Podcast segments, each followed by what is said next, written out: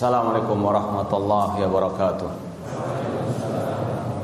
Innal hamdalillah nahmaduhu wa nasta'inuhu wa nastaghfiruh wa na'udzu billahi min shururi anfusina wa min sayyiati a'malina.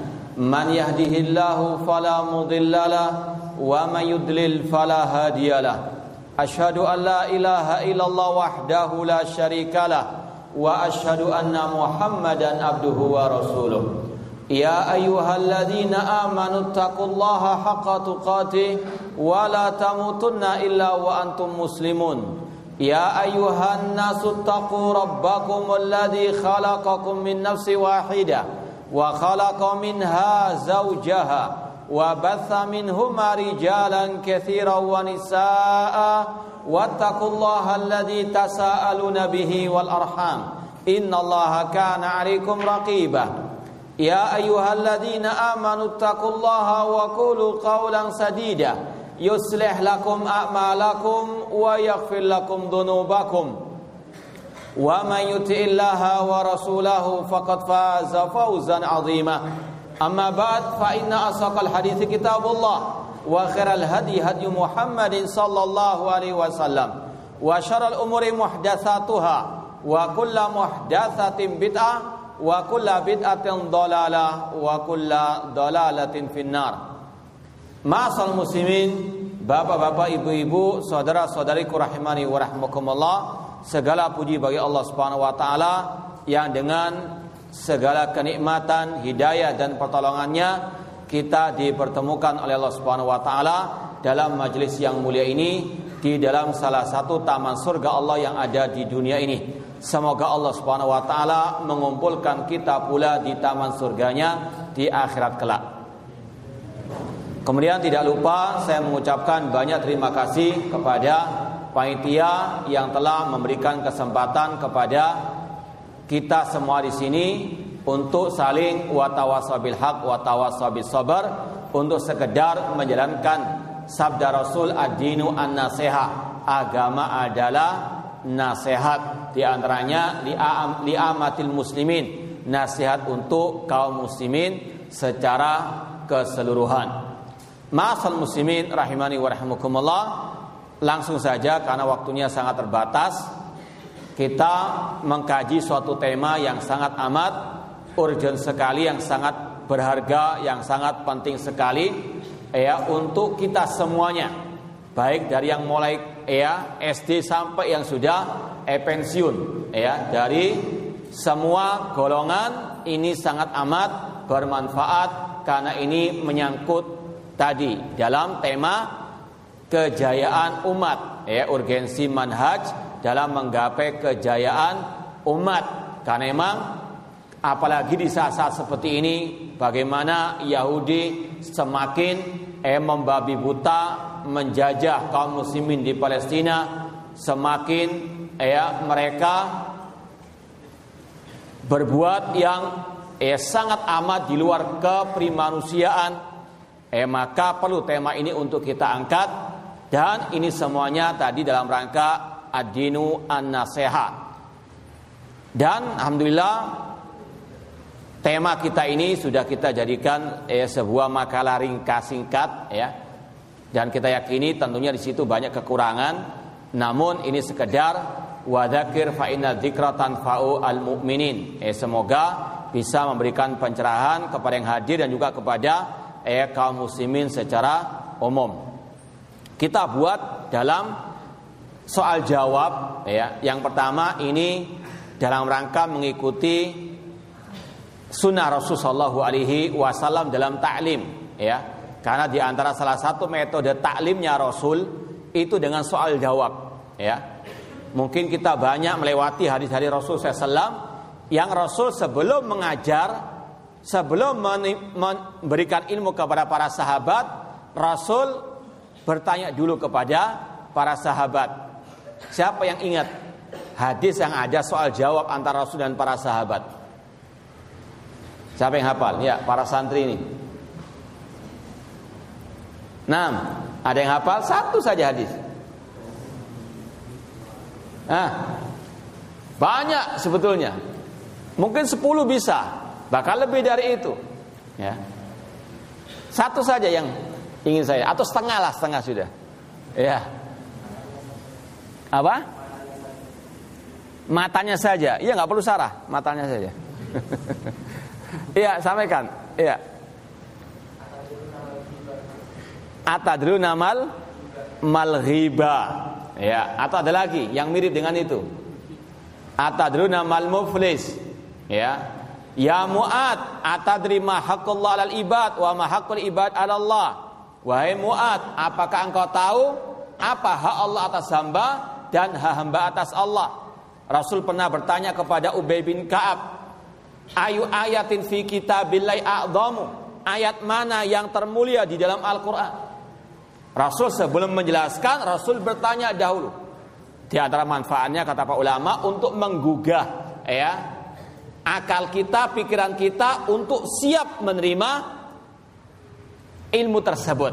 Ya, karena bisa jadi ya kita lagi ngantuk kalau langsung dikasih ilmu lewat ilmu tersebut tidak masuk ke ya benak kita maka perlu dengan apa soal wal jawab ya ini sekali lagi dan ini juga dipraktekkan oleh para ulama dalam mengarang kitab terkadang dengan soal wal wal jawab. Ya ini sekedar untuk memudahkan saja. Yang pertama apakah yang dimaksud dengan manhaj? Mungkin sering kita mendengar istilah manhaj manhaj. Manhaj firqatun najiyah. Ini manhaj alusunnah ya ini enggak sesuai dengan mana al sunnah ini perlu kita pahami jangan asbun saja. Ya jangan asal ngomong saja asal berbicara namun ahlu sunnah sebagaimana kata Imam Al Bukhari al ilmu qabla al wal wal amal. Ilmu sebelum kita berucap sebelum kita ber beramal. Ya kita harus tahu apa arti manhaj. Yang pertama manhaj secara umum adalah metode atau jalan yang ditempuh oleh seorang muslim dalam beragama. Kalau secara bahasa manhaj itu artinya tariqah, jalan, ya. Manhaj atau bacaan lainnya minhaj sama saja. Kalau bahasa Arabnya dari kata-kata nahaja yanhaju, nahjan, manhajan atau minhajan. Ya, manhaj dan minhaj. Artinya sama at-tariqah, jalan. Kalau secara umum, secara istilah, manhaj adalah jalan yang ditempuh oleh seorang seorang muslim. Kita baca ucapan Syekh Saleh bin Fauzan Al-Fauzan hafizallahu taala, beliau mengatakan manhaj itu lebih umum daripada akidah. Manhaj itu bisa dalam masalah akidah, perilaku, akhlak, muamalah dan dalam segala bidang kehidupan muslim. Kemudian kesimpulannya, setiap jalan atau metode yang ditempuh oleh seorang muslim itu dinamakan manhaj. Apa manhaj Anda dalam berakidah? Apa manhaj Anda dalam berakhlak? Nah, ini namanya manhaj. Manhaj lebih umum daripada akidah. Akidah itu rukun iman yang enam. Ya, kalau ditanya secara ringkas apa itu akidah rukun imam yang enam? Apa enggak rukun imam enam? Hah? Apa ya? Ya sudah, yakin sudah, husnudon sudah ya. Itu rukun iman yang enam dinamakan akidah, ya. Namun ya akidah ya rukun iman yang enam ini bisa ya tidak ada manfaatnya bahkan bisa menjadi bumerang kalau tidak di atas manhaj yang benar. Kalau mungkin bisa kita umpamakan ya antara akidah dengan manhaj itu seperti kereta api dengan relnya, ya. Keretanya luar biasa bagusnya dari luar ya luar biasa. Namun relnya patah, relnya rusak. Apa akibatnya? Bisa apa? Bisa guling, ya. Makanya akidah harus ya di atas manhaj yang yang benar. Itu perumpamaan antara akidah dengan apa? Manhaj. Demikian pula akhlak. Ya, akhlak yang baik itu jika di atas manhaj yang yang baik. Maka ini pentingnya apa? Manhaj. Ya, seperti tadi, apa ala artinya kereta api yang bagus kalau relnya rusak, kalau manhajnya tidak benar. Makanya kata para ulama, perhatikan bagaimana Imam Ahmad rahimahullah ketika mengarang kitab Usul Sunnah. Ini karang eh, kitab tentang apa? Fikih atau akhlak? Hah? Kitab apa Usul Sunnah itu? Tentang akidah, ya. Namun beliau sebelum mengajar akidah beliau memberikan mukodimah yang sangat berharga. Beliau mengatakan amma ba'du. Ya. Usul sunnah indana at-tamassuku bima kana ali ashab Rasul sallallahu wal iktida'u bihim. Prinsip-prinsip akidah kita kata Imam Ahmad adalah mengikuti jejak para sahabat dan meneladani mereka. Kata sebagian pensarah yang mensarah ucapan Imam Ahmad di sini, beliau mengatakan Imam Ahmad sebelum jauh-jauh menjelaskan masalah akidah, beliau menjelaskan terlebih dahulu apa manhaj beliau dalam berakidah. Ya, karena ini penting. Apalah artinya akidah, rukun iman yang enam kalau tidak di atas rel yang yang benar. Ini yang harus apa kita paham. Ini pentingnya apa? Manhaj. Kalau orang sudah keliru manhatnya, ini eh, fatal akibatnya. Seperti tadi kereta bisa apa? Ya, anjlok bisa, goleng bisa, ya, membunuh, mematikan banyak penumpangnya. Maka ini harus kita camkan dalam diri kita manhat ini adalah sesuatu yang sangat berharga dalam kehidupan kita apalagi di zaman yang penuh dengan fitnah ini ya harus kita betul-betul paham ya manhat yang benar itu manhaj secara umum. Iya. Kemudian ada pun manhaj secara khusus adalah metode seorang dai dalam berdakwah di jalan Allah. Ini seperti ulama ketika mendefinisikan tauhid, ya. Tauhid itu ada berapa? Ada berapa? Ada tiga. Tauhid apa saja? rububiyah, uluhiyah dan asma wa wa sifat. Namun ada ulama ketika mendefinisikan tauhid hanya mengatakan tauhid adalah ifradullah bil ibadah, mengesahkan Allah dalam ibadah. Ini tauhid apa? Tauhid uluhiyah. Jadi ulama ketika mendefinisikan tauhid ada yang mendefinisikan secara umum yaitu tauhid adalah mengesahkan Allah dalam hal-hal yang merupakan kekhususan Allah. Apa kekhususan Allah? Ya tadi rububiyah, uluhiyah dan asma wa wa sifat. Ini tauhid secara umum artinya tadi mengesahkan Allah dalam hal-hal yang merupakan kekhususan Allah. Namun ada pula ulama yang lebih mengkhususkan definisi tauhid hanya kepada tauhid apa? uluhiyah tadi. Karena pentingnya tauhid uluhiyah. Demikian pula dalam masalah mendefinisikan manhaj. Ada ulama yang mendefinisikan manhaj secara umum. Jalan hidup seorang muslim dalam beragama. Namun ada pula yang lebih mengkhususkan manhaj yaitu jalan metode yang ditempuh oleh seorang dai dalam berdakwah. Kenapa disebutkan secara khusus? secara spesial di sini karena pentingnya manhaj dalam berdakwah. Karena apa? Kalau dai-nya salah manhajnya, korbannya apa? Ya, jamaah kaum muslimin. Ya, kalau kita contohkan misalnya, eh kelompok teroris, ya, mereka luar biasa mengumandangkan jihad. Rasul mengatakan al jihad zirwatu sanamil Islam. Jihad itu tulang punggungnya Islam luar biasa. Namun ketika jihad itu tidak di atas rel manhaj yang benar, maka fatal akibatnya mencoreng nama Islam dan kaum muslimin. Lebih banyak merusak daripada memperbaiki. Ya.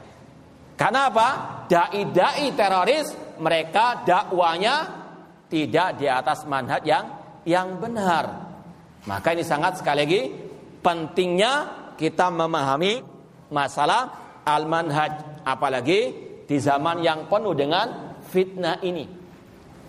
Apalagi kalau kita menengok ke sebagian ya dai-dai yang dulunya berstatus ya ahlu sunnah wal jamaah sekarang sudah luntur manhajnya terutama dalam dalam dakwah ya ikut arus ini ikut arus itu.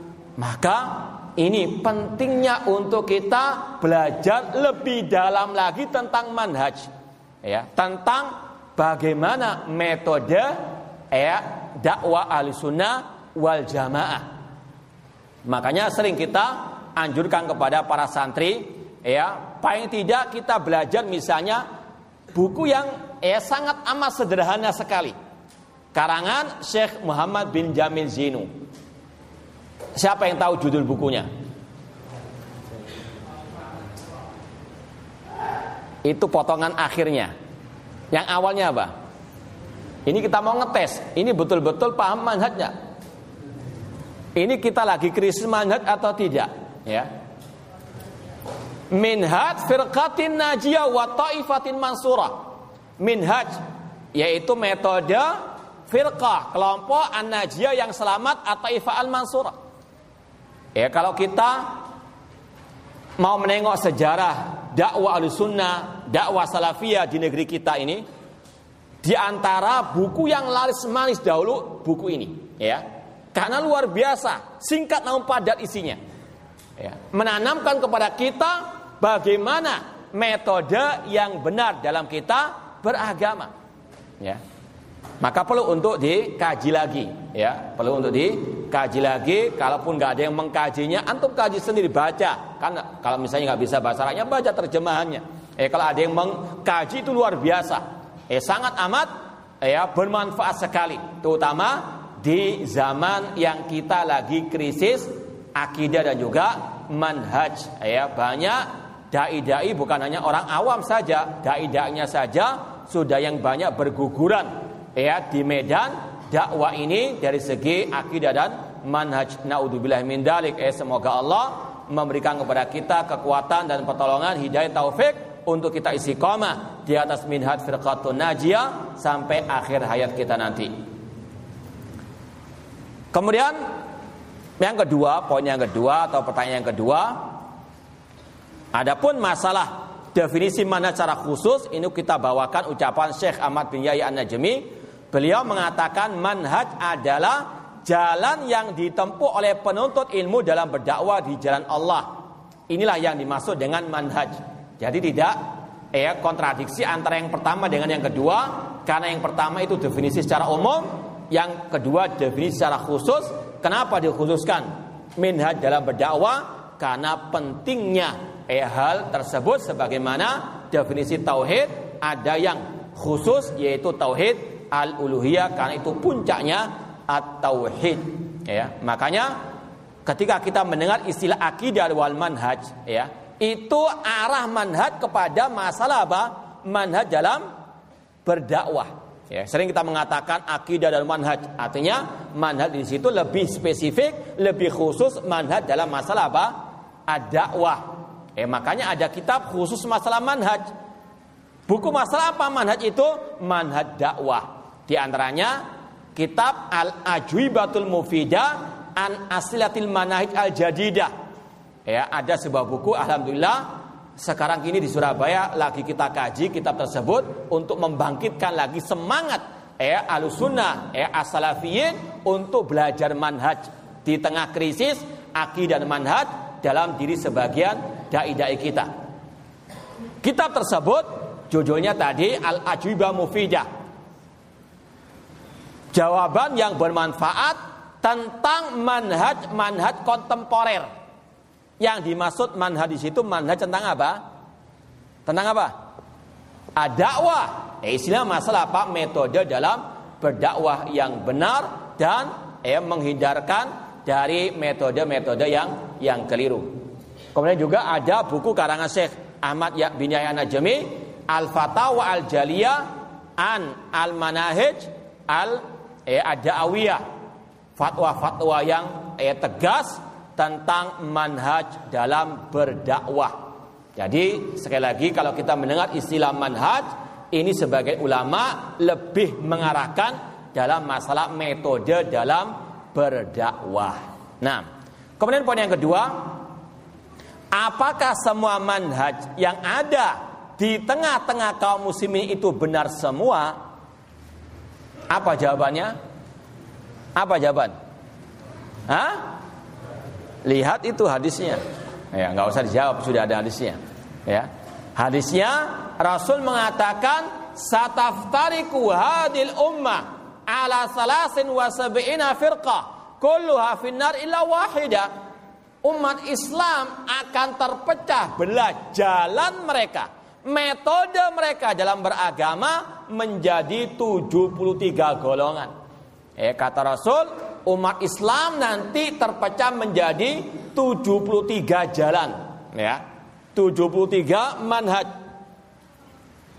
kemudian Rasul mengatakan kullu afinnar semuanya diancam masuk neraka illa wahidah kecuali satu Ketika ditanya oleh para sahabat, "Man ya ya Rasulullah? Siapa yang selamat itu wahai Rasulullah?" Rasul menjawab, "Ma ana alaihi wa ashabi."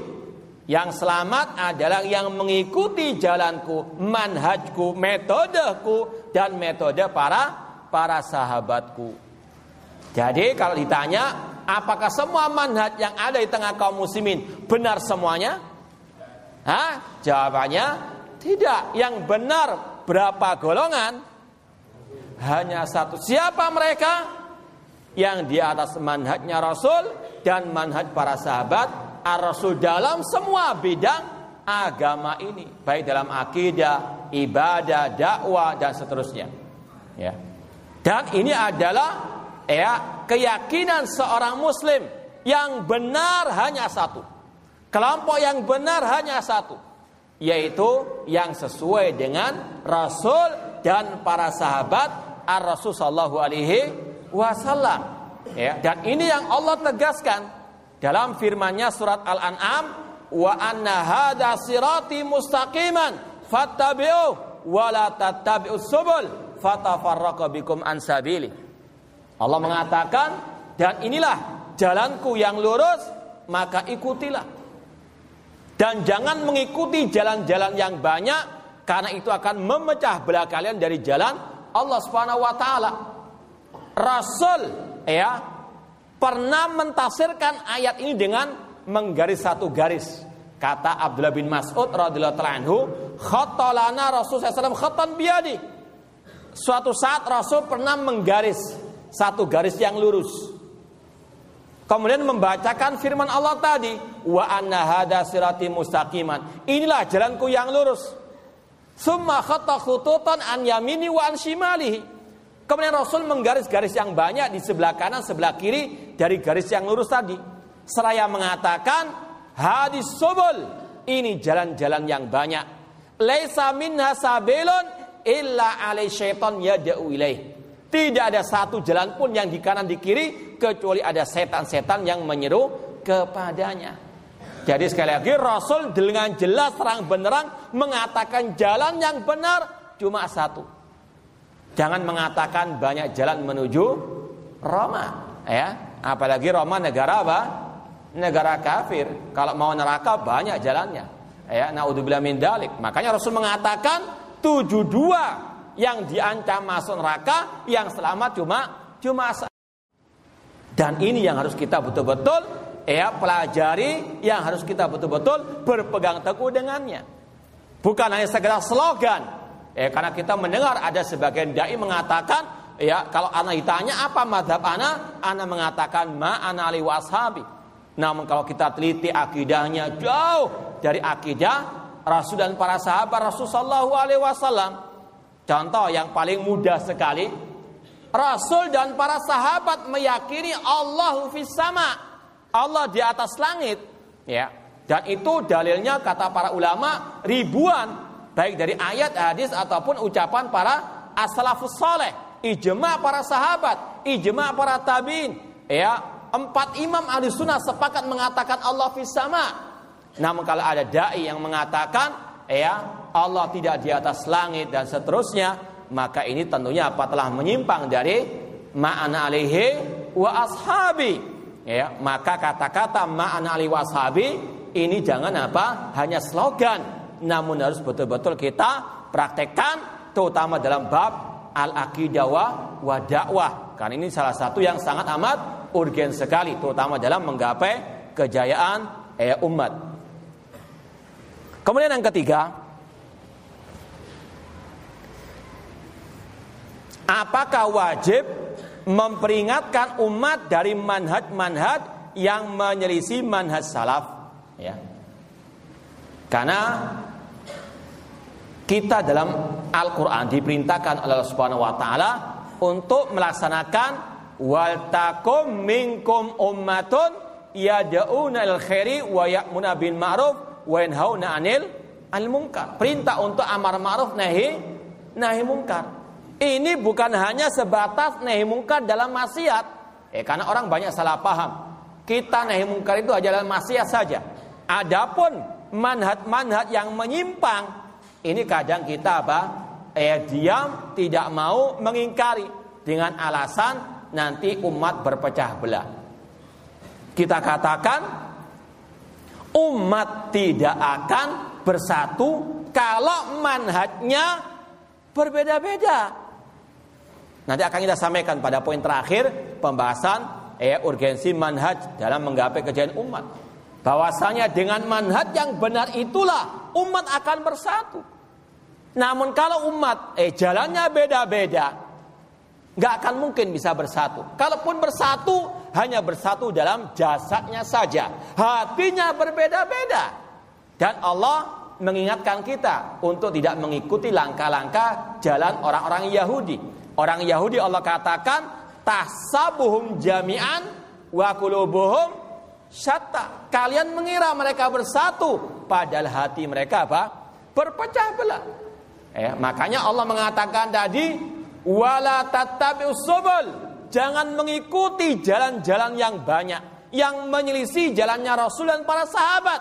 Karena itu akan apa? Memecah belahkan memecah belahkan eh barisan kalian. Ya, memecah belah kalian dari jalan Allah taala.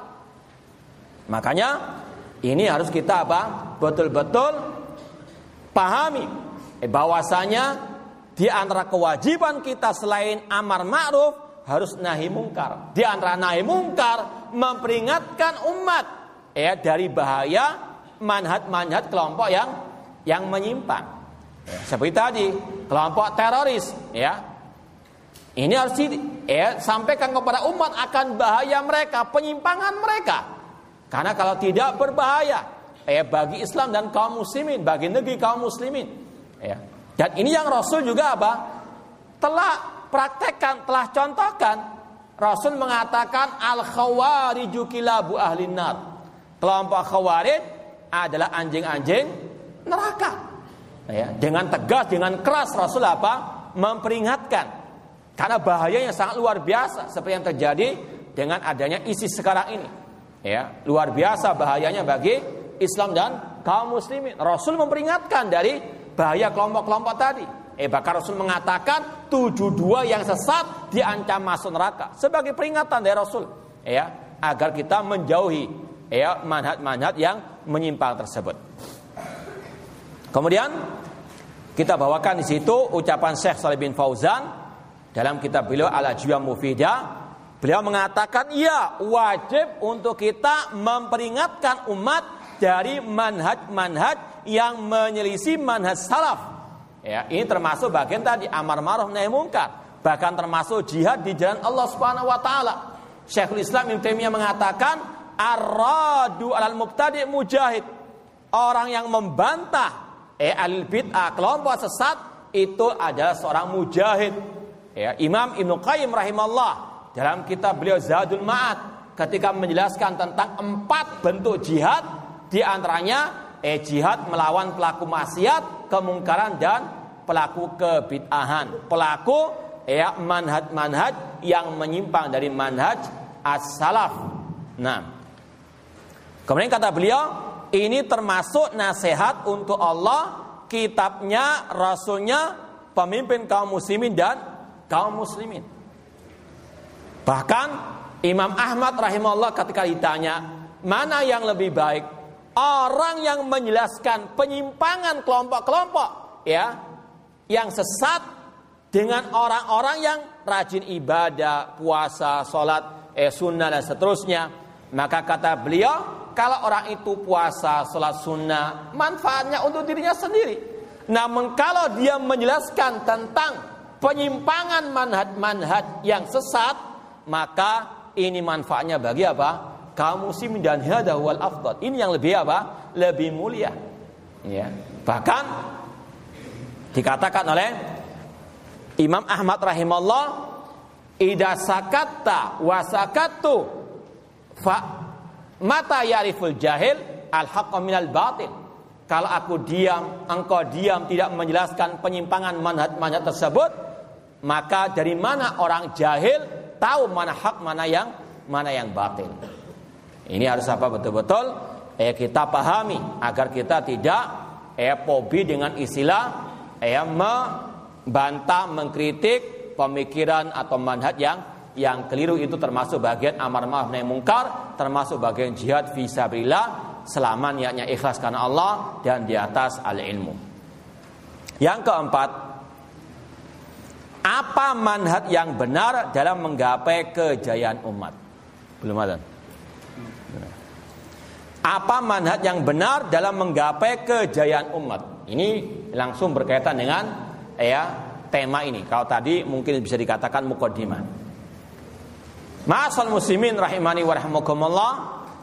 Ya kita semuanya sudah mengetahui bersama keadaan kaum muslimin di seluruh penjuru dunia. Ya, mereka tertindas, mereka ya dalam keadaan terpuruk, terhina, dan ini yang Rasul telah sampaikan kepada kita. Rasul pernah bersabda, "Yushiku antada alaikumul umam kama tada'al akatu ala qas'atiha." Hampir-hampir seluruh orang-orang kafir mengerumuni kalian, mengeroyok kalian. Seperti orang kelaparan ya mengeroyok, mengerumuni hidangan makanan. Antum kalau lihat orang yang lapar ada makanan kebuli, nasi goreng, soto dan seterusnya, gimana? Ya. Santri pun tetap royoan, betul tidak? Ya, rebutan karena laparnya. Nah, itulah keadaan apa kaum muslimin sekarang ini. Bagaimana ya kaum muslimin sekarang dari segala penjuru di dijajah. Di Palestina dijajah oleh Yahudi, ya. Di Suriah mereka dibantai oleh komunis Rusia bersama kelompok Syiah Nuseria Rafidah ya di Myanmar di eh, bantai oleh kaum musyrikin. Demikian pula di negeri Yaman mereka juga me, ya ngalami penjajahan oleh orang-orang Syiah ya Al-Hautsiyah dan sebagainya. Ini yang Rasul sampaikan kepada kita. Kemudian Rasul mengatakan eh, kemudian para sahabat bertanya amin killatin nahnu yaumaini ya Rasulullah Apakah jumlah kita sedikit wahai Rasulullah pada waktu itu? Kata Rasul, bal antum yauma idin katsir. Bahkan jumlah kalian itu banyak. Walakinnakum husa ka husa isail. Namun kalian seperti buih yang diombang-ambingkan oleh oleh air bah. Ini keadaan kaum muslimin eh sekarang ini. Dan ya kelompok-kelompok kaum muslimin eh mereka punya jalan masing-masing untuk mengentaskan keterpurukan tersebut. Ya. Ada yang lewat jalur politik, ya. Ada yang lewat jalur ekonomi, ada yang lewat jalur ya jihad, ya militer, ya. Ada yang lewat jalur khilafah dan masih banyak yang yang lainnya. Ya, mungkin sampai sudah puluhan tahun mereka sudah berjuang. Namun hasilnya Bukan hanya ya nol bahkan bisa minus. Naudzubillah min dalik. Ya. Ini semuanya karena apa? Karena mereka tidak kembali kepada manhaj yang benar dalam menggapai kejayaan umat. Ya. Padahal Islam sebagai satu-satunya agama yang sempurna telah menjelaskan dengan gamblangnya, dengan terang benderangnya bagaimana manhaj yang benar dalam mengentaskan keterpurukan umat tersebut. Ya, ayat hadis banyak. Ya, cuma sebagian kelompok ya lebih suka untuk mengarang-arang sendiri metode manhaj dalam menggapai kejayaan umat. Maka akibatnya ya kegagalan demi kegagalan bahkan lebih banyak merusak daripada memperbaiki. Maka ya harus kita betul-betul ingatkan kaum muslimin Al-Quran dan Sunnah Rasul telah menjelaskan manhaj yang benar dalam ya menggapai kejayaan umat.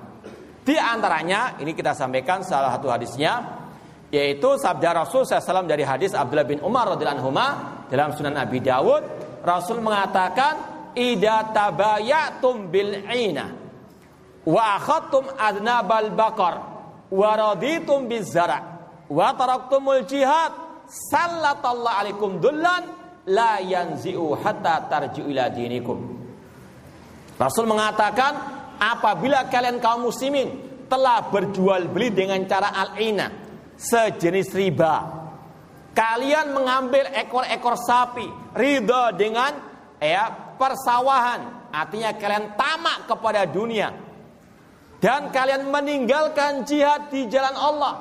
Maka Allah menimpakan kehinaan atas kalian dan tidak akan Allah cabut sampai kalian kembali kepada agama kalian. Ini manhajnya Rasul dalam apa? Menggapai kejayaan umat. Kapan umat akan jaya? Kalau umat kembali kepada agamanya. Kembali kepada Islam yang sebenarnya. Ya, Cuma eh permasalahannya sekarang agama Islam ini sekarang sudah ya samar-samar. Mana sih Islam itu? Ya, ada Islam ala teroris, ada Islam ala ini dan itu liberal dan sebagainya. Maka banyak umat yang bingung, ya. Makanya dakwah salafiyah menjelaskan lagi seperti yang diucapkan oleh para ulama seperti Syekh Al-Ban dan yang lainnya tidak akan mungkin umat akan kembali kepada agamanya sampai mereka melalui manhaj tasfiyah wa tarbiyah. Apa itu tasfiyah?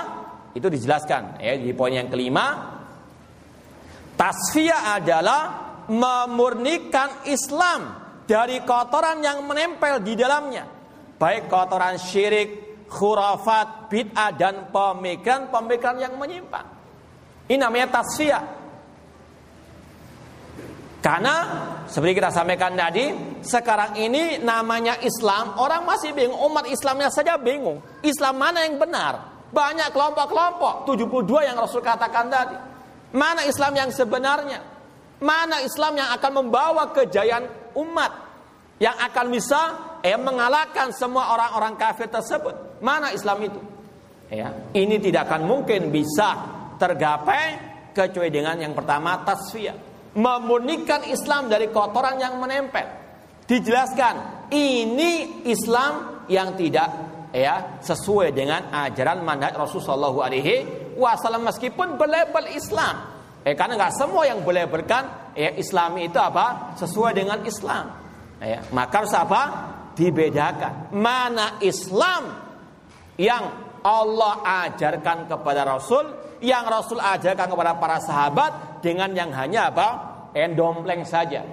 Ya, karena bagaimanapun juga Rasul pernah bersabda, "Taraktukum alal mahajjatil bayda lailuha kana hariha la yazigu anha illa halik." Aku tinggalkan kalian di atas Islam yang putih bersih. Malamnya seperti siangnya. Ini Islam yang akan membawa kejayaan umat. Ya, Islam ala Rasul Shallallahu Alaihi Wasallam.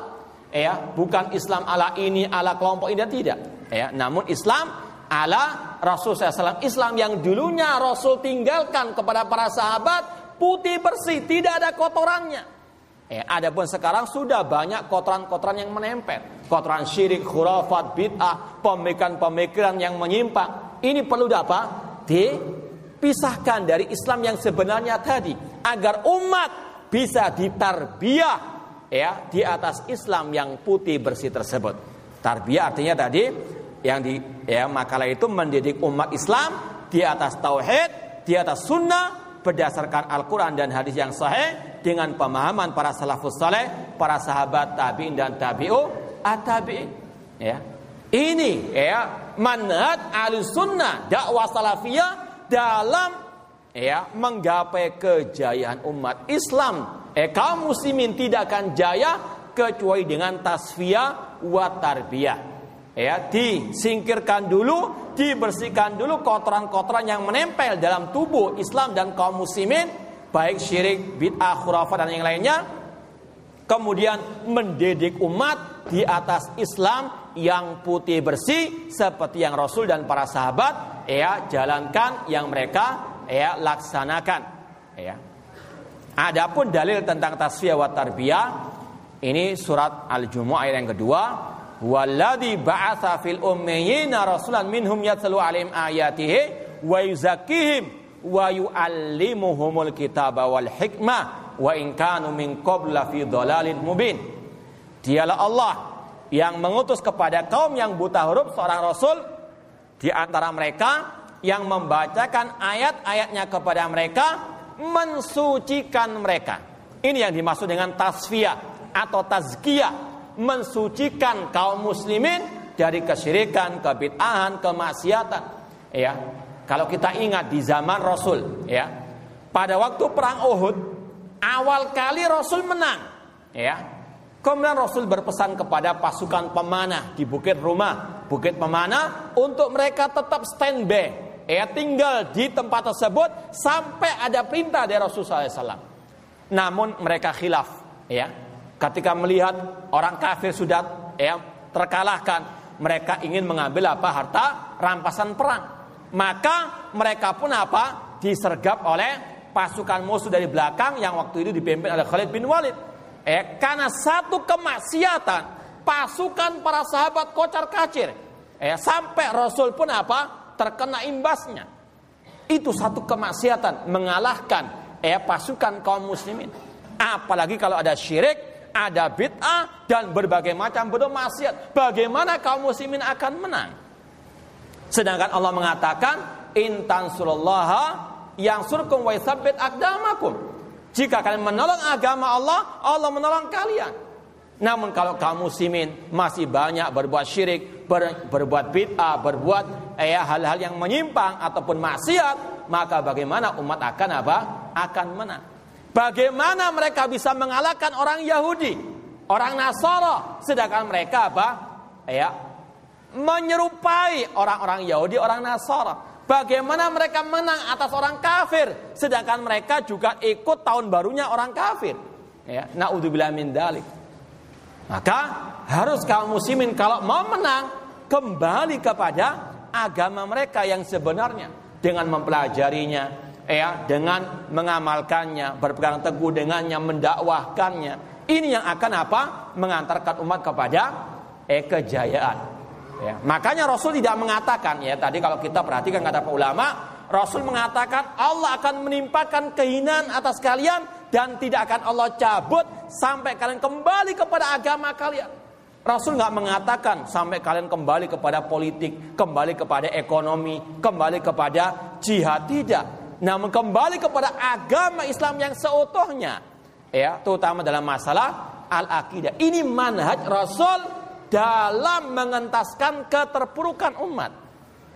Namun banyak kaum muslim yang tidak apa? menyadarinya. Banyak kelompok-kelompok dari kaum muslimin yang justru apa? Ya, mengarang sendiri metode baru. Oh, umat Islam nggak akan jaya kecuali dengan ekonomi yang kuat. Padahal Rasul pernah mengatakan, "Fawallahi mal fakru akhsya'alaikum." Demi Allah, Bukan kefakiran yang aku khawatirkan atas kalian. Walakin akhsha antub satu alaikum dunya. Kama busitot ala mangkana qablakum. Fatanafasuha kama tanafasuha. Fatuhlikukum kama ahlakathum. Rasul mengatakan demi Allah bukan kemiskinan, bukan kefakiran yang aku khawatirkan atas kalian. Namun aku khawatir dibentangkan dunia atas kalian seperti orang-orang sebelum kalian dibentangkan dunia kepada mereka kemudian kalian berlomba-lomba tamak kepada dunia sebagaimana mereka berlomba-lomba mengejar dunia. Fatuh lekukum maka dunia itu membinasakan kalian seperti yang membinasakan umat-umat sebelum kalian. Bukan ekonomi yang menyebabkan umat akan jaya.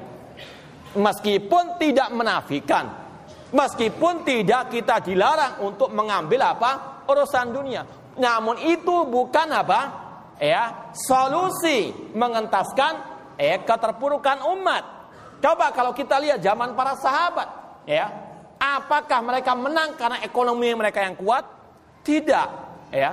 Justru kalau kalau kita lihat pada perang Tabuk, ya, banyak para sahabat pergi berjihad hanya bermodalkan biji kurma. Kenapa kefakiran mereka? Bahkan kalau kita lihat kisah eh sebagian sahabat yang mau ikut perang, Rasul tolak. Eh Rasul tidak terima. Kenapa? Karena Rasul nggak punya perbekalan membekali mereka di jalan. Artinya apa? Ekonomi mereka sangat ya sangat jauh sekali dari standar. Ya, cuma mereka bisa menang dalam jihad. Kenapa? tadi ya karena manhaj mereka hatta tarju ila ila dinikum ya tanpa kita mengesampingkan tanpa kita apa melarang orang punya ekonomi yang yang kuat cuma ini bukan solusi mengentaskan keterhinaan kaum muslimin ya kemudian kalau kita lihat sebagian kelompok ya mereka mengatakan kita akan menang dengan politik ya masuk ke arena politik panggung politik. Ya. Apakah setelah mereka masuk menjadi apa? Ya, masyarakat yang islami, masyarakat yang luar biasa, yang kokoh, yang menang di atas semua agama yang ada? Tidak sama sekali. Ya, justru ketika mereka masuk ke arena politik, mereka terkotori dengan apa? Kotoran-kotoran politik tersebut. Ya, semakin menambah keterpurukan keterpurukan umat. Ya, maka sekali lagi Rasul telah memberikan solusi kepada kita ya manhaj yang benar hatta tarji'u ila ila dinikum. Eh, sampai kalian kembali kepada agama kalian. Ya. Kemudian poin yang ketujuh ini poin intinya apa urgensi manhaj dalam menggapai kejayaan umat? Kita katakan tadi, ya, setiap manhaj yang eh, dijalankan untuk menggapai kejayaan umat, namun menyimpang dari manhajnya Rasul dan para sahabat, itu gagal total. Dan itu sudah apa? Ya, di depan mata kita. Kalau kita masih apa? Bisa melihat. Ya, adapun yang buta susah. Ya. Apa urgensi manhaj yang kita masuk di sini? Manhaj salaf, manhaj yang benar dalam menggapai kejayaan umat. Ya.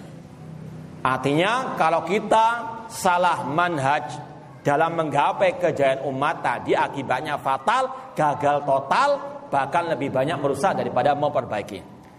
Namun sebaliknya kalau kita ya menjalankan manhaj yang benar dalam menggapai kejayaan umat ini banyak ya urgensinya, utamaan, eh pentingnya, banyak manfaatnya, banyak barokahnya.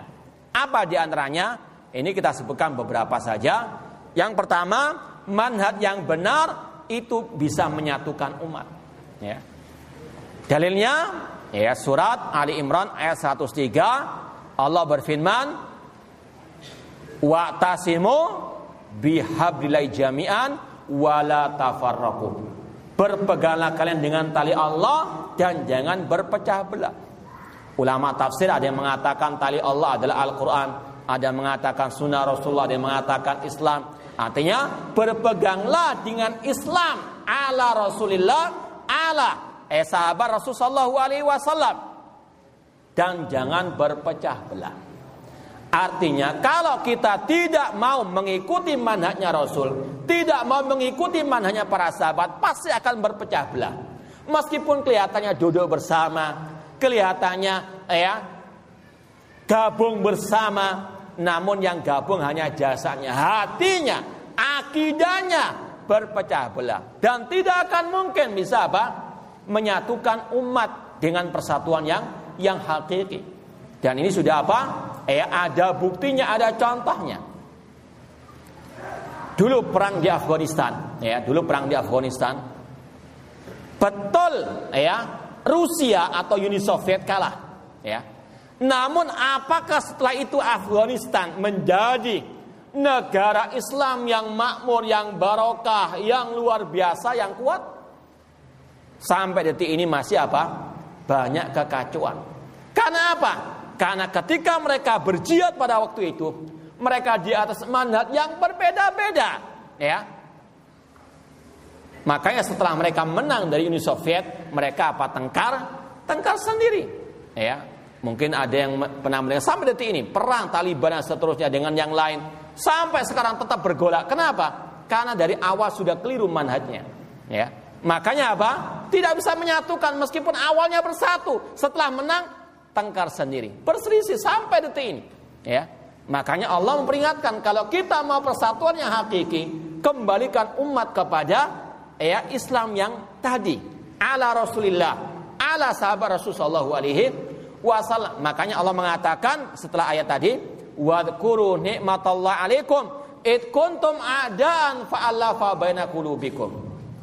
Wahai para sahabat, ingatlah kalian atas nikmat Allah ya kepada kalian ketika kalian dulunya berpecah belah.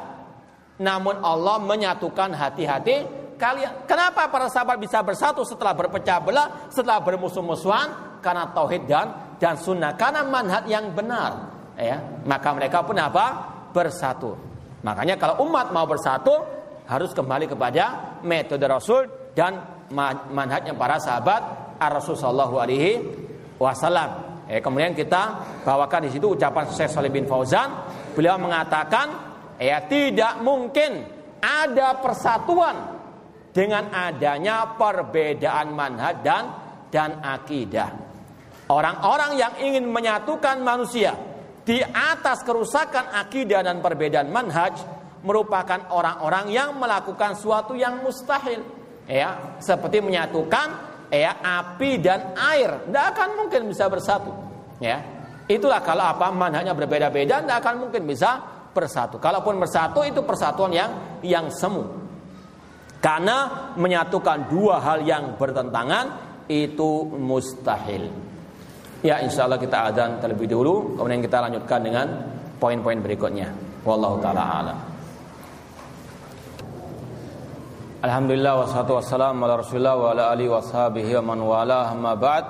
Ya kita lanjutkan kembali poin terakhir kita yaitu apa urgensi manhaj dalam menggapai kejayaan umat.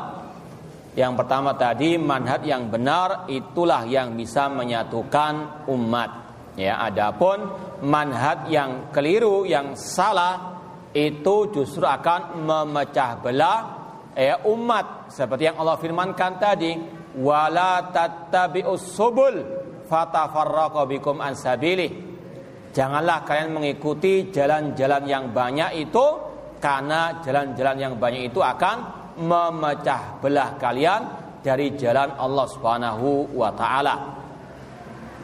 Kemudian yang kedua, urgensi manhaj, ya, pentingnya manhaj yang benar itu di antaranya manhaj yang benar akan mendapatkan pertolongan Allah. Ya. Allah berfirman, "In tansurullaha yang surkum wa yuthabbit akdamakum." Jika kalian menolong Allah, menolong agama Allah, Allah pasti akan menolong kalian. Itu janji Allah dan Allah la yukhliful mi'at. Namun bagaimana menolong agama Allah? Ya tidak boleh apa? Sembarangan. Ya, harus sesuai dengan mandat Rasul dan para sahabat Ar-Rasul sallallahu alaihi wasallam. Ya, makanya Rasul mengatakan ya, la tazalu ta'ifatun min ummati mansurin. Kata Rasul akan ada di antara umatku kelompok yang mansurin ditolong yang diistilahkan dengan istilah apa? Kelompok At-Taifah Al-Mansurah. Siapa At-Taifah Al-Mansurah? Para ulama seperti Imam Ahmad, Abdullah bin Mubarak, ulama tabi'in mengatakan, "Illam takuni taifatul mansurah ashabal hadis, fala adri manhum." Jika taifah mansurah itu bukan ahlul hadis, aku tidak tahu siapa lagi mereka itu. Artinya Taifah Mansurah ya ashabul hadis. Mereka-mereka yang berpegang teguh dengan hadisnya Rasulullah Shallallahu alaihi wasallam. Ya. itulah namanya Taifah Al-Mansurah. Nama lainnya Al-Firqatun Najiyah, kelompok yang selamat. Kenapa mereka dikatakan selamat? Karena Rasul mengatakan 72 masuk neraka, satu yang yang selamat yang mengikuti Rasul dan para sahabat Rasul. Itulah Taifah Mansurah. Itulah Ahlu Sunnah wal Jamaah. Jadi Ahlu Sunnah wal Jamaah punya banyak nama. Ya, ada namanya tadi Al-Firqatun Najiyah. Diambil dari hadis perpecahan umat tadi. Dinamakan Taifah Mansurah, kelompok yang ditolong. Kenapa kok ditolong? Karena mereka di atas manhatnya Rasul dan manhat para sahabat Rasul. Kalau umat Islam mau mendapatkan pertolongan Allah, ikuti manhat Rasul, manhat para sahabat, Ar-Rasul sallallahu alaihi wasallam. Itu janji Allah dan Ar-Rasul sallallahu alaihi wasallam. Eh sunnah wal jamaah al firqatun najiyah taifah mansurah as-salafiyun al-ghuraba ashabul hadis ahlul athar. Ini adalah nama-nama lain daripada ya at-taifah al-mansurah. Kemudian poin yang ketiga urgensi manhaj salaf urgensi manhaj rasul ya dalam menggapai kejayaan umat yang ketiga manhaj yang benar akan mengantarkan kepada kepemimpinan di atas muka bumi ini. Nanti dalilnya kita gabung dengan ya dua poin berikutnya. Poin yang kedua, manhaj yang benar akan mengokohkan umat Islam, akan menguatkan barisan kaum muslimin. Dan yang ya kelima, manhaj yang benar akan membawa kepada keamanan dan akan menghilangkan rasa ketakutan. Dalilnya surat An-Nur ayat 55. Ya Allah mengatakan wa'adallahu alladhina amanu minkum wa amilus salihati la yastakhlifannahum fil ardi kama stakhlafal ladina min qablihim wala yumakkinanna lahum dinahum alladhi tadalahum wala yubaddilanna min ba'di khafim amna ya'budunani la yusyrikuna bi syai'a Allah berfirman yang artinya Allah berjanji kepada orang yang beriman di antara kalian dan yang beramal soleh. Apa janji Allah? Yang pertama, Allah akan menjadikan mereka sebagai khalifah pemimpin penguasa di atas muka bumi ini. Seperti Allah menjadikan orang sebelum mereka sebagai penguasa. Itu janji Allah yang pertama. Ya, menjadikan kaum muslimin sebagai penguasa di atas muka bumi ini. Yang kedua, Allah akan mengokohkan agama yang Allah ridhoi bagi mereka. Yang ketiga, urgensi manhaj, Allah akan merubah ketakutan mereka dengan keamanan. Eh kalau sekarang kaum muslimin ditindak rasa ketakutan, dijajah oleh orang-orang kafir, ya. Namun kalau mereka kaum muslimin kembali kepada manhaj yang benar, maka Allah rubah ketakutan mereka dengan keamanan. Allah hanya minta satu syarat, ya budunani. Kaum muslimin harus beribadah hanya kepadaku saja, tidak menyekutukan aku dengan sesuatu apa pun. Kaum muslimin kalau mau jaya harus kembali kepada tauhid yang benar, meninggalkan syirik. Ya. Ini manhaj ya dalam menggapai kejayaan umat. Umat harus dikembalikan kepada tauhid, kepada Islam yang murni, murni dari kesyirikan. Ya, selama kaum muslimin masih banyak yang berbuat syirik, maka selama-lamanya tidak akan mendapatkan pertolongan dari Allah Subhanahu wa taala. Naudzubillah min dalik. Makanya dakwah tauhid, dakwah akidah harus terus digencarkan. Karena ini solusi ya mengentaskan keterpurukan umat sebagaimana yang Allah firmankan. Kemudian yang terakhir meskipun bukan yang paling akhir, ini hanya sebagian saja. Manhaj yang benar akan membawa kemenangan. Ya, menang di atas semua agama yang ada seperti yang Allah firmankan surat As-Saff ayat yang ke-9 huwallazi arsala rasulahu bil huda wa dinil haqqi liyudhhirahu ala dini kulli walau karihal musyrikun dialah Allah yang mengutus rasulnya dengan petunjuk dan agama yang hak untuk dimenangkan di atas semua agama yang ada ya meskipun orang-orang musyrikin mereka tidak menyukai. Dalam ayat ini kata para ulama, Allah mengatakan Rasul diutus dengan dua hal. Waladhi arsala rasulah bil huda dengan petunjuk. Apa itu petunjuk? Kata para ulama, al ilmu nafi, ilmu yang bermanfaat. Rasul diutus dengan membawa ilmu yang bermanfaat. Apa ilmu yang bermanfaat? Ya Al-Quran dan Sunnah dengan pemahaman para sahabat Rasulullah SAW. Dan Allah mengutus Rasul dengan agama yang hak, yaitu dengan al-amal as-soleh, dengan amal yang soleh. Dan itu intinya tadi dengan tasfiyah wa tarbiyah. Dan saya tutup ya kajian kita dengan ucapan Imam Malik rahimahullah lan yusliha akhir hadil ummah illa ma aslaha awalaha tidak akan mungkin memperbaiki generasi terakhir umat Islam kecuali yang memperbaiki generasi pertama umat Islam yaitu para sahabat Rasulullah SAW. Kalau umat Islam mau jaya sekarang ini harus kembali kepada metode para sahabat karena mereka yang pernah menguasai dunia. Karena mereka yang pernah menaklukkan dua negara di kuasa Romawi dan Persia umat Islam akan jaya kalau kembali kepada akidahnya para sahabat, ibadahnya para sahabat, akhlaknya para sahabat, dakwanya para sahabat dan meninggalkan semua manhaj-manhaj yang menyimpang dari manhaj para sahabat Ar-Rasul sallallahu alaihi wasallam. Ini yang mungkin bisa kita sampaikan, kurang lebihnya mohon maaf. Wa jazakumullahu khairan katsiran.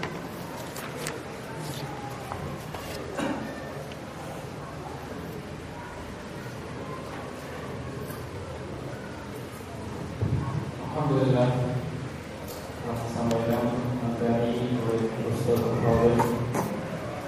Semoga sampaian beliau yang sedikit ini bisa bermanfaat untuk kita semua dan juga diberikan kemampuan untuk mengamalkannya, mengamalkannya dan juga mendawamkannya kepada seluruh kaum muslimin sehingga kejayaan kaum muslimin dalam bisa dilakukan.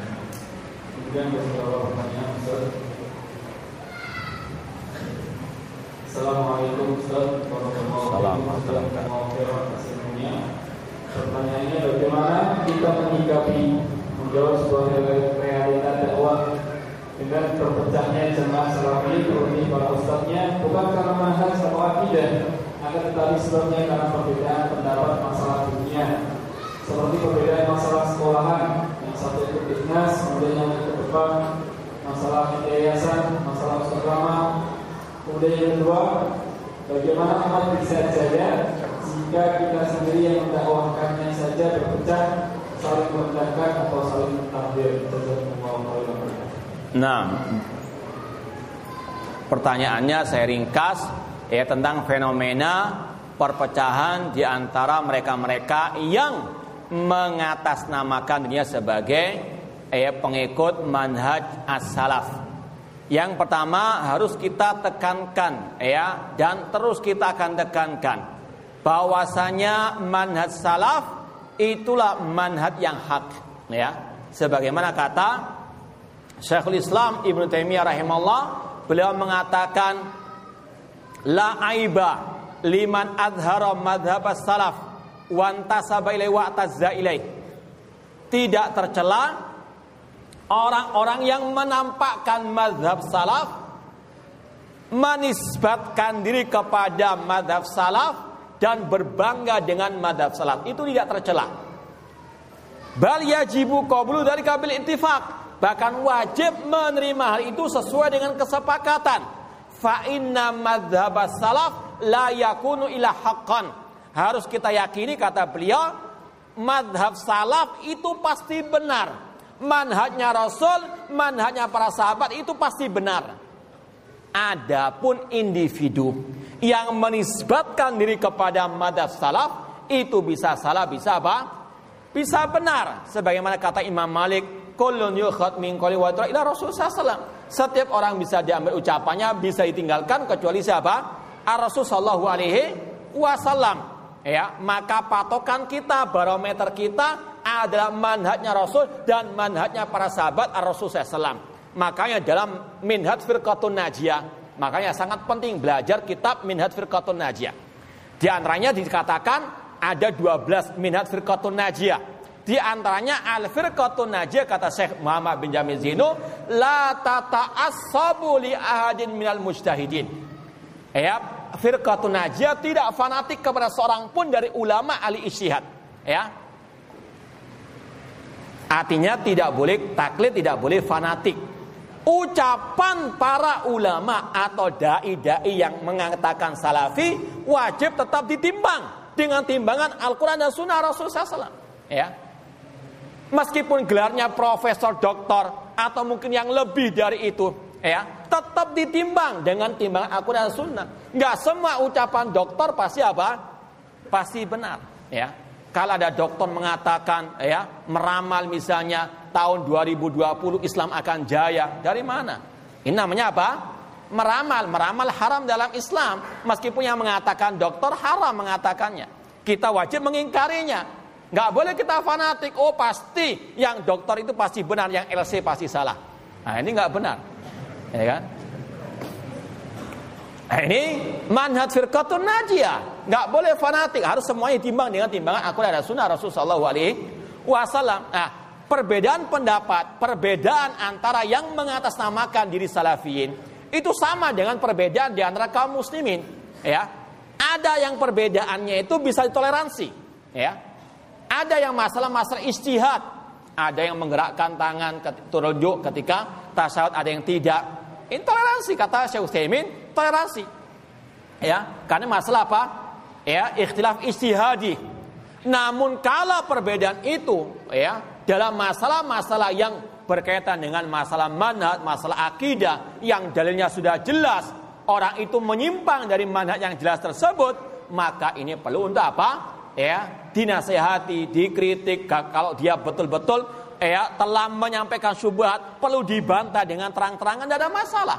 Ya, demi apa? Menjaga agama ini. Intinya sekali lagi, perbedaan di antara mereka sama dengan perbedaan secara umum kaum kaum muslimin ada perbedaan yang ditolerir, ada yang tidak. Tadi statementnya kurang tepat. Kalau dikatakan apa? Perbedaannya dalam masalah-masalah apa tadi? Yayasan. Nggak benar, itu salah satu. Namun kalau kita lihat fenomena sekarang ini luar biasa. Eh perpecahannya, perbedaannya. Bahkan dalam masalah akidah, dalam masalah manhaj. Eh makanya harus kita apa? Teliti. Makanya perlu kita belajar manhaj agar kita tahu mana dai salafi sejati dan mana dai salafi imitasi ya karena nggak semua sekarang apa ya itu lurus manhajnya meskipun mengatakan ini sebagai dai salafi ahli sunnah wal jamaah ya wallahu taala alam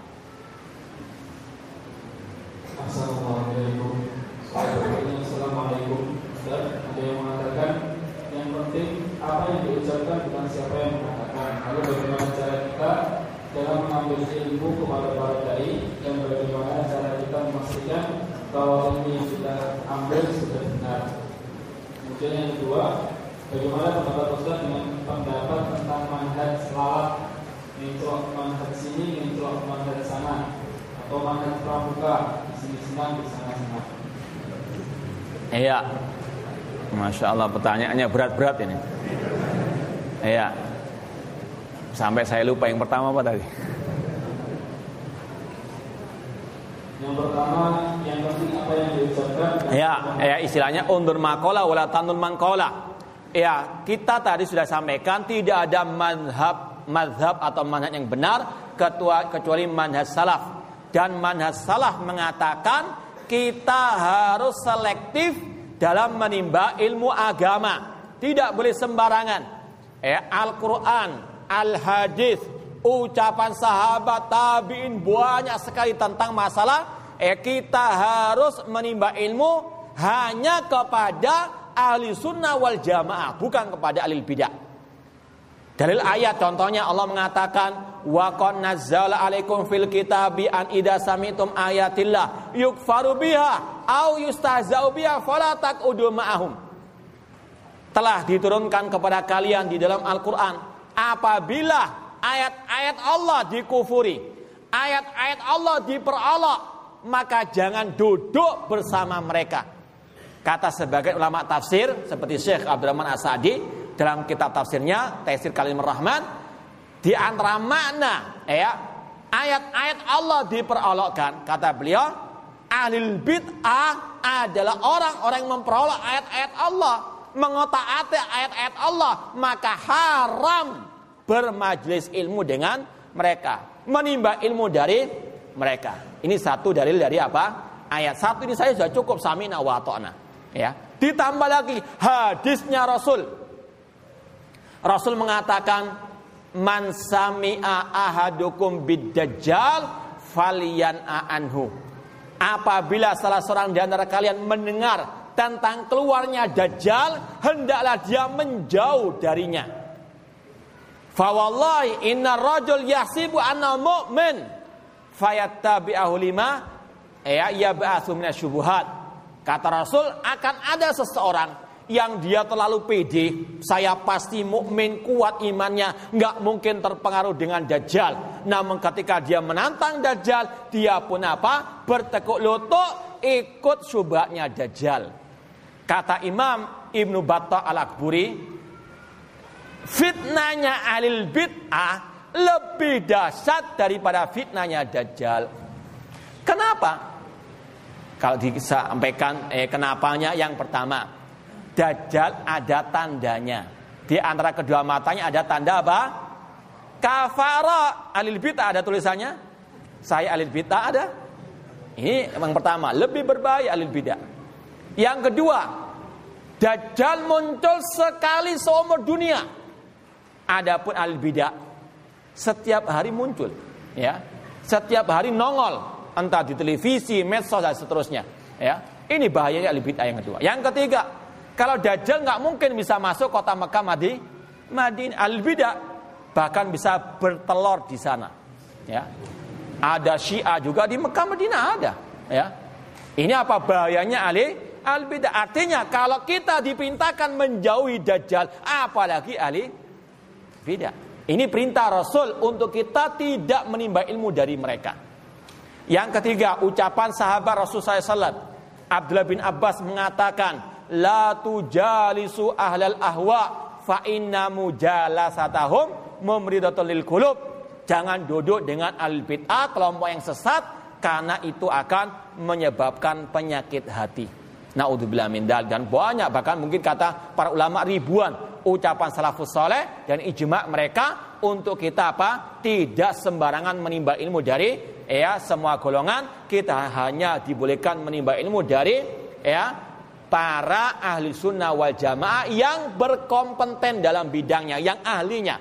Ya, ahli sunnah namun awam, yang nggak perlu kita belajar dari dia orang jahil kok. Ya, ahli sunnah yang apa? Ahlinya. Fas'alu ala dikri in kuntum la ta'lamun. Ya, Imam Muhammad bin Sirin seorang ulama tabi'in mengatakan inna hadal ilma dinun fanduru amman ta'khuduna dinakum. Ilmu agama ini adalah agama itu sendiri, maka selektiflah dalam menimba ilmu agama tersebut. Jangan sembarangan, ya. Kalau sudah masuk syubhat dalam hati, susah keluar, sesat selama-lamanya. Naudzubillahi min dalik. Yang kedua tadi apa? Iya, manhat lalat istilahnya cuma kita janganlah ya. Kita katakan ya manhat yang amburadul lah sudah ya ikut manhaj kelompok ini kelompok itu ini ya adalah orang-orang yang pelin plan ya mudabdabuna baina dzalik seperti kelompok munafikin. Allah mensifati mereka mudabdabun. La ilaha ula la ilaha ula. Alil bid'ah kalau dikatakan alil bid'ah ya alil bid'ah. Kalau dikatakan alil sunnah kok begitu? Ya samar-samar ya. Ini adalah apa? Orang-orang yang perlu diwaspadai berbahaya ya mudabdabuna banyak dalik. Makanya Rasul mengatakan tajiduna syarron nasi dzal wajhain. Engkau mendapati manusia yang paling jelek kata Rasul yang punya dua muka. Ya bukan mukanya hitam terus putih eh, pink hijau enggak ya. Namun apa? Ya seperti tadi. Kadang ikut ahli sunnah kadang ikut al bid'ah tergantung ke mana arah anginnya ya. Apalagi niatnya sudah jelek mungkin untuk mendapatkan masa dunia lebih parah lagi eh maka harus kita punya kesimpulan eh keyakinan yang benar cuma satu ma'ana ali washabi ini yang kita pegang erat sampai akhir hayat kita nanti wallahu alam Assalamualaikum. Selanjutnya, kapan seseorang dikatakan keluar dari salaf? Apakah ada seseorang meninggalkan beberapa sunnah? Kemudian yang kedua berkaitan dengan wala wal bagaimana hakikat yang benar? Satu-satu aja biar nggak lupa. Nah. Ya. Kapan seorang itu dikatakan keluar dari al-sunnah wal jamaah? Eh kata para ulama, yang pertama kalau menyelisihi eh salah satu prinsip-prinsip al-sunnah wal jamaah. Ya. Contoh, salah satu prinsip al-sunnah ini kita ketahui dari mana? Dari belajar kitab akidah salaf. Ya. Contoh as-salaf itu mengharamkan kudeta kepada pemimpin kaum muslimin. Ya. Kata Imam At-Tahawi dalam Al-Aqidah Tahawiyah wala naral khuruja ala a'immatina wa ulati umurina wa injaru kita mengharamkan melarang mengkudeta memberontak kepada pemimpin kaum muslimin meskipun mereka berbuat dolim.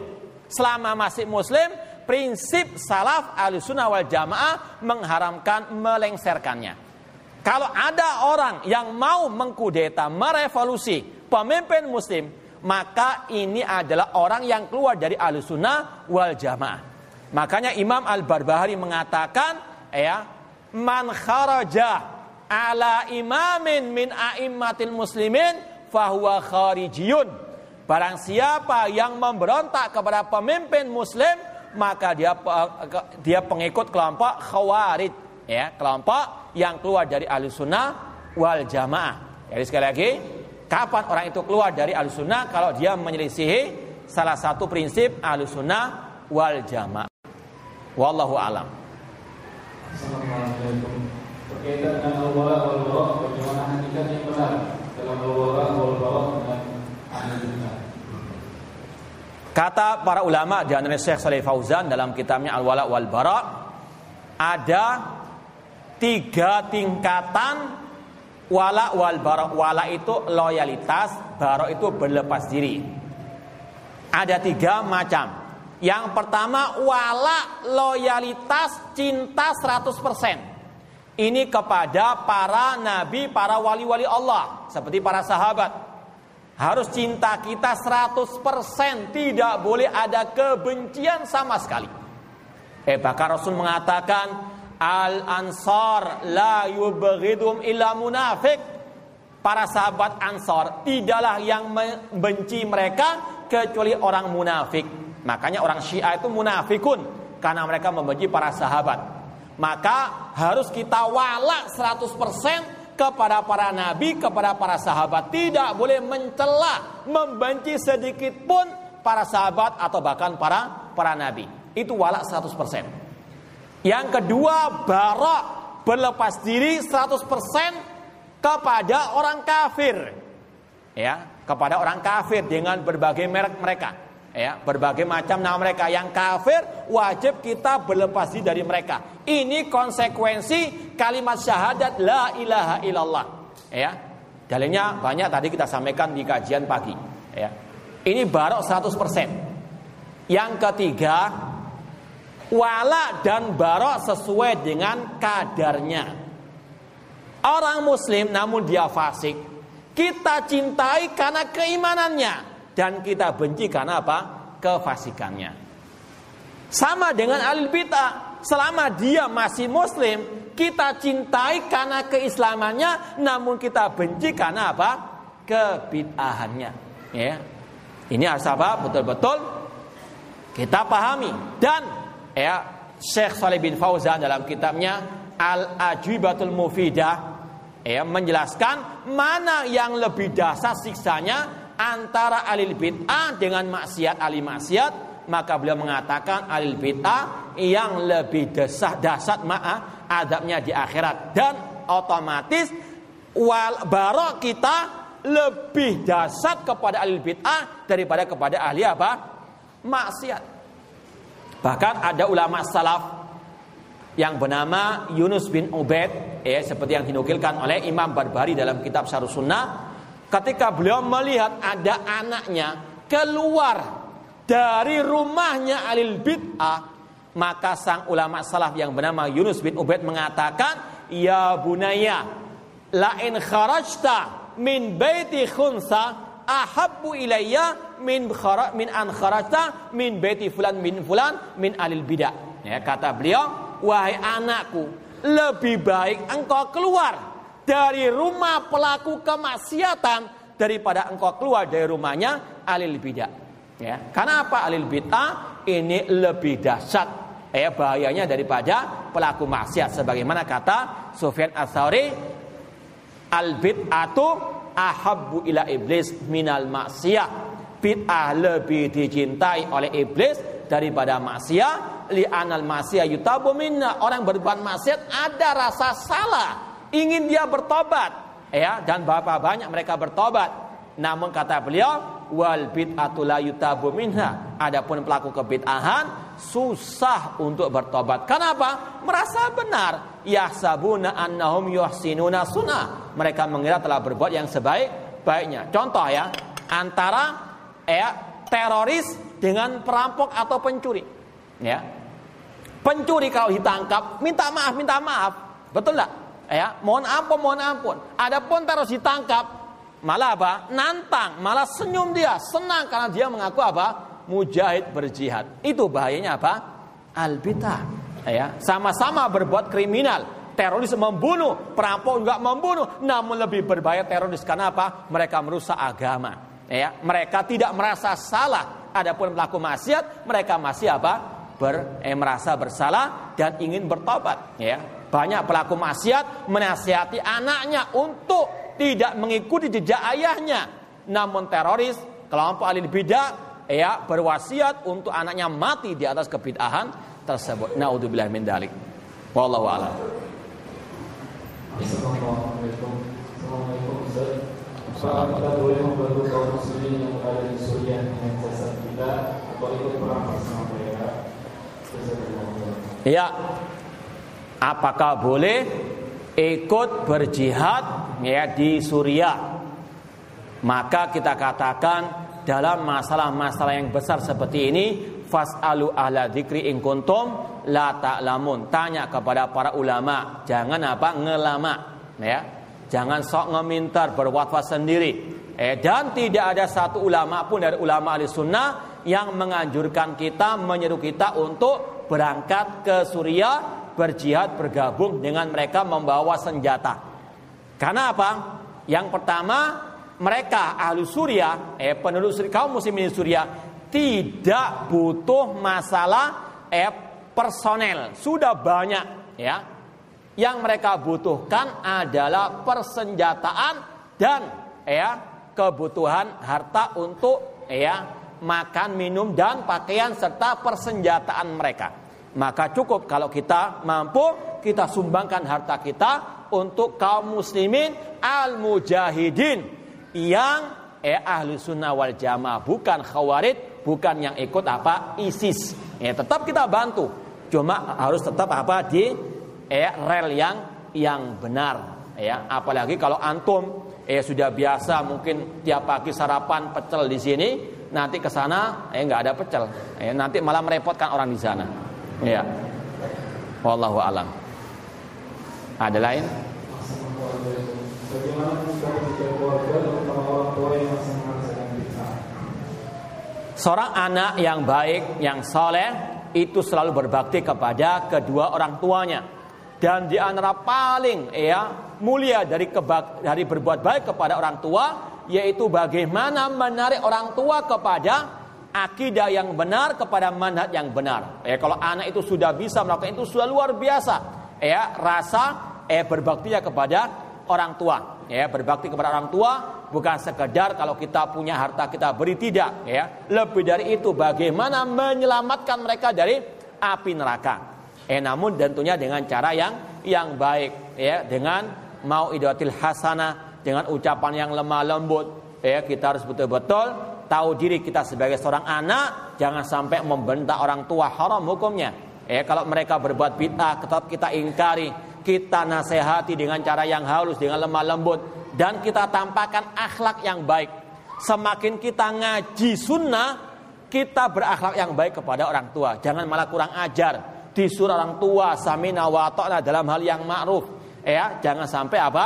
Eh ada akhlak yang tercela eh karena ini akan menjadi celah bagi kita untuk tidak bisa masuk menasihati orang tua kita. Wallahu a'lam. Bismillah, kejayaan umat hanya dapat diraih dengan manhaj yang benar. Tapi kenapa manhaj salah malah terpecah dalam kelompok-kelompok kecil dan usaha apa saja yang telah dilakukan untuk persatuan umat agar pengikut salah dapat bersatu? Iya, ini ya pernyataan atau pertanyaan yang ada pernyataan yang perlu diluruskan. Kita sampaikan tadi ya, dan kita akan terus sampaikan bedakan antara manhaj dengan orang yang menisbatkan kepada manhaj tersebut. Manhaj salaf itu pasti benar dan manhaj salaf hanya satu, ma'ana alaihi wa ashabi. Manhaj Rasul dan para sahabat satu mengenai Allah ada di langit tidak terpecah belah. Manhaj salaf satu menimba ilmu hanya dari al sunnah itu satu nggak ada perbedaan.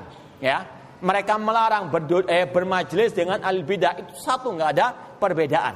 Ya, adapun yang menisbatkan individu yang mengatakan sebagai salafi ini bisa salah. Perbedaan itu di mereka, bukan di manhaj, ya. Makanya kita harus selalu menimbang segala sesuatu dengan apa? Manhaj tadi, bukan perorangan tadi, ya. Makanya kita katakan kembalikan kepada minhaj firqati anajia. Kalau ada dai mengaku salafi, salah, tinggalkan.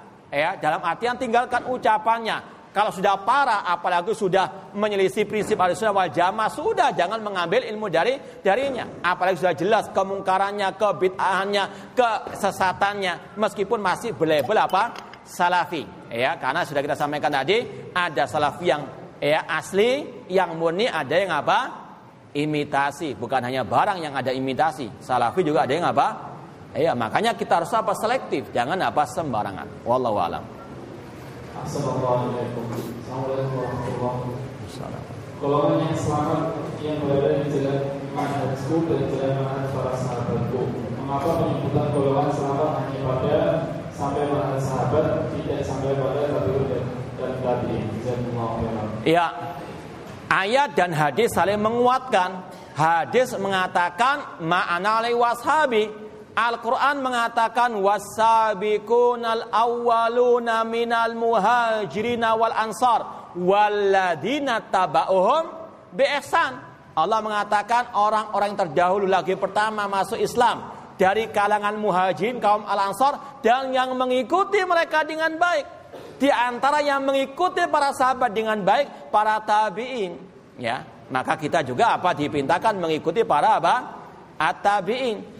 Kemudian Rasul mengatakan khairun nasi qarni summa yalunahum summa yalunahum.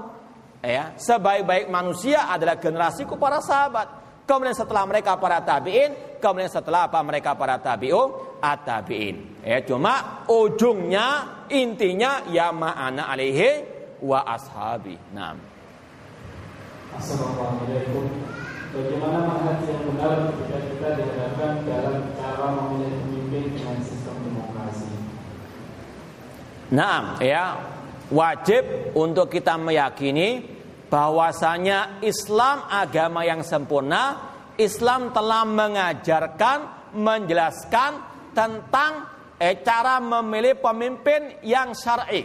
Ya, ini kita sampaikan karena ada seorang dai yang kondang mengatakan Islam ya tidak pernah menjelaskan di dalam ayat dan hadis yang jelas atau ijma tentang memilih pemimpin kaum muslimin. Naudzubillah min dalik. Ini adalah apa? Ucapan yang sangat batil ya. Kalau masalah buang hajat saja, Islam menjelaskan tentang adab-adabnya secara detail ya. Masuk kamar mandi, ya, pak, eh, mendahulukan kaki yang mana? Apa doanya? Ketika keluar kaki mana? Doanya apa? Dengan sedetail-detailnya apalagi masa yang besar, masalah memilih pemimpin. Islam sudah mengajarkan. Cuma sangat sayang ada krisis akidah manhaj dalam diri dai yang mengatasnamakan diri sebagai dai salafi. mengatakan Islam nggak mengajarkan menjelaskan masalah apa memilih pemimpin. Ya, padahal sudah ada ijma dari para ulama bahwasanya memilih pemimpin yang syar'i cuma ada dua cara. Yang pertama memilih pemimpin yang berikutnya. Seperti Abu Bakar memilih Umar langsung dipilih. Ya.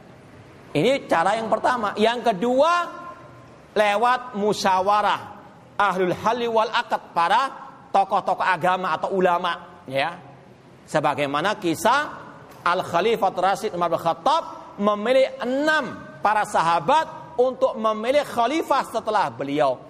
Ya, ini adalah apa? Musyawarah al Ini yang Rasul telah eh, sampaikan kepada kita alaikum bisunnati wa sunnatil khulafa'ir rasyidin. Ini sunnahnya khulafa rasyidin, sunnahnya Abu Bakar, sunnahnya Abu Umar bin Khattab memilih pemimpin yang pertama dengan cara langsung dipilih oleh pemimpin yang pertama atau lewat musyawarah tadi. Ini yang ada dalam apa? Al-Islam. Ya semoga Allah memberikan petunjuk kepada kaum muslimin untuk menjalankan sunnah para khulafa ar-rasyidin. Nah. Assalamualaikum. Bagaimana menyikapi kaidah kita bersatu di atas yang kita sepakati dan bertoleransi dengan perbedaan? Mohon pencerahannya Ya, na ta'awanu fi ma tafaqna alaih wa ya'dhuru ba'dna ba'dan fi ma ikhtalafna fi. Kita tolong menolong dalam hal yang kita sepakati dan kita toleransi dalam hal yang kita apa? Ya, saling berbeda. Eh kita lihat perbedaannya dalam masalah apa? Dalam masalah eh tauhid syirik nggak boleh toleransi. Syirik kita katakan syirik, kita ingkari. Ini amar ma'ruf nahi mungkar. Ya, Allah mengatakan tadi wa takum minkum ummatun yad'una ilal khairi wa ya'muruna bil ma'ruf. Apakah cukup sampai di sini? Tidak. Harus ada apa? Nahi mungkar. Ya, kita telah menolong dalam hal yang ma'ruf, oke, okay, ya.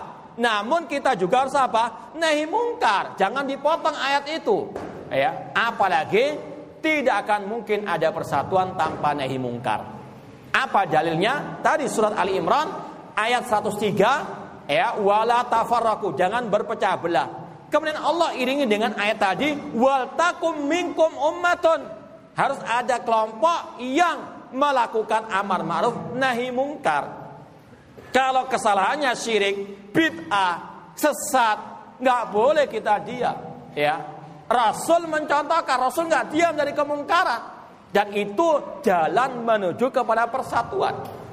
Kalau kita diam dari kemungkaran, ya, apalagi kesyirikan, maka bagaimana mungkin umat akan bersatu? Sedangkan yang bisa menyatukan umat adalah at-tauhid. Wa anna hadi ummatukum wahida wa ana rabbukum fa'budun. Inilah umatku umat yang satu, ya, maka beribadalah hanya kepada Allah. Kata para ulama, tauhid itulah yang yuwahid yang menyatukan. Nah. Tengah maraknya semangat dakwah kaum muslimin khususnya di Indonesia, banyak kaum muslimin dari berbagai organisasi atau kelompok semangat juga untuk menjadi dai dan balik. Maka bagaimana saya harus menjadi ustaz atau guru agar saya tidak salah melakukan tiga dan Indonesia? Yang pertama tadi fasalu ala dzikri in kuntum la ta'lamun. Orang awam itu diperintahkan untuk bertanya kepada ahlinya. Tanya kepada ustadz yang kita yakini insya Allah dia mumpuni tentang eh, keadaan dai-dai yang ada. Siapa yang layak diambil ilmunya? Ya kita tanya. Atau yang kedua kita belajar dulu dari ustadz tersebut prinsip-prinsip ahli sunnah wal jamaah akidah salaf ya. Minhaj firqatun najiyah. Kemudian dari situ kalau kita sudah punya modal kita bisa menimbang sendiri. Kalau contoh ya contoh tadi yang keluar dari ahli sunnah di antaranya yang memberontak kepada pemimpin kaum muslimin kalau ada dai selalu dakwanya itu mencaci maki presiden ya bahkan mengkafirkan presiden menyeru revolusi kudeta maka jauhi dai seperti ini. Karena apa? Telah keluar dari sunnah wal jamaah. Ini salah satu contoh, ya. Ada contoh yang lain misalnya di antara minhaj firqatun najiyah. Itu firqatun najiyah selalu mengutamakan dakwah kepada tauhid. Ya. Kalau ada kalau ada dai alergi nggak mau dakwah tauhid dengan alasan kalau kita dakwah tauhid itu banyak dimusuhi orang, eh laku di masyarakat, memecah belah umat. Nah, ini dai yang apa? Eh, bukan di atas minhaj firqah najiyah, tinggalkan orang seperti. Jadi jalan menuju kepada jawaban tadi ada dua. Yang pertama, tanya langsung. Eh, ini yang instan, tanya siapa dai yang layak kita ambil ilmunya. Yang kedua, tadi kita belajar dulu prinsip-prinsip al-sunnah, akidah salaf, dari situ kita jadikan timbangan, menimbang siapa dai-dai yang benar, siapa yang yang keliru. Wallahu a'lam. Assalamualaikum Apakah kita mempelajari atau mengikuti imam mazhab tersebut Ustaz? Ya, taklid adalah mengikuti ucapan eh, seorang alim atau dai atau ustadz tanpa dalil. Ini namanya taklid, ya. Adapun kalau kita mengikuti ucapan ulama atau imam madhab, ya sesuai dengan dalilnya dan itu dalil yang sahih yang benar, ya maka itu bukan ya taklid itu ittiba. Mengapa kita ikut imam itu? Karena dia punya dalil yang benar, yang kuat. Itu namanya apa? Ittiba. Wallahu taala a'lam. Kurang lebihnya saya mohon maaf dan terima kasih perhatiannya dan juga tidak lupa saya ucapkan banyak terima kasih kepada panitia yang telah memberikan kepada kita kesempatan untuk watawasabil haq watawasabil sabar. Semoga ini semuanya sebagai pemberat timbangan amal kebaikan kita di akhirat kelak. Aku qouli hada wa akhiru da'wana anil. Wassalamualaikum warahmatullahi wabarakatuh.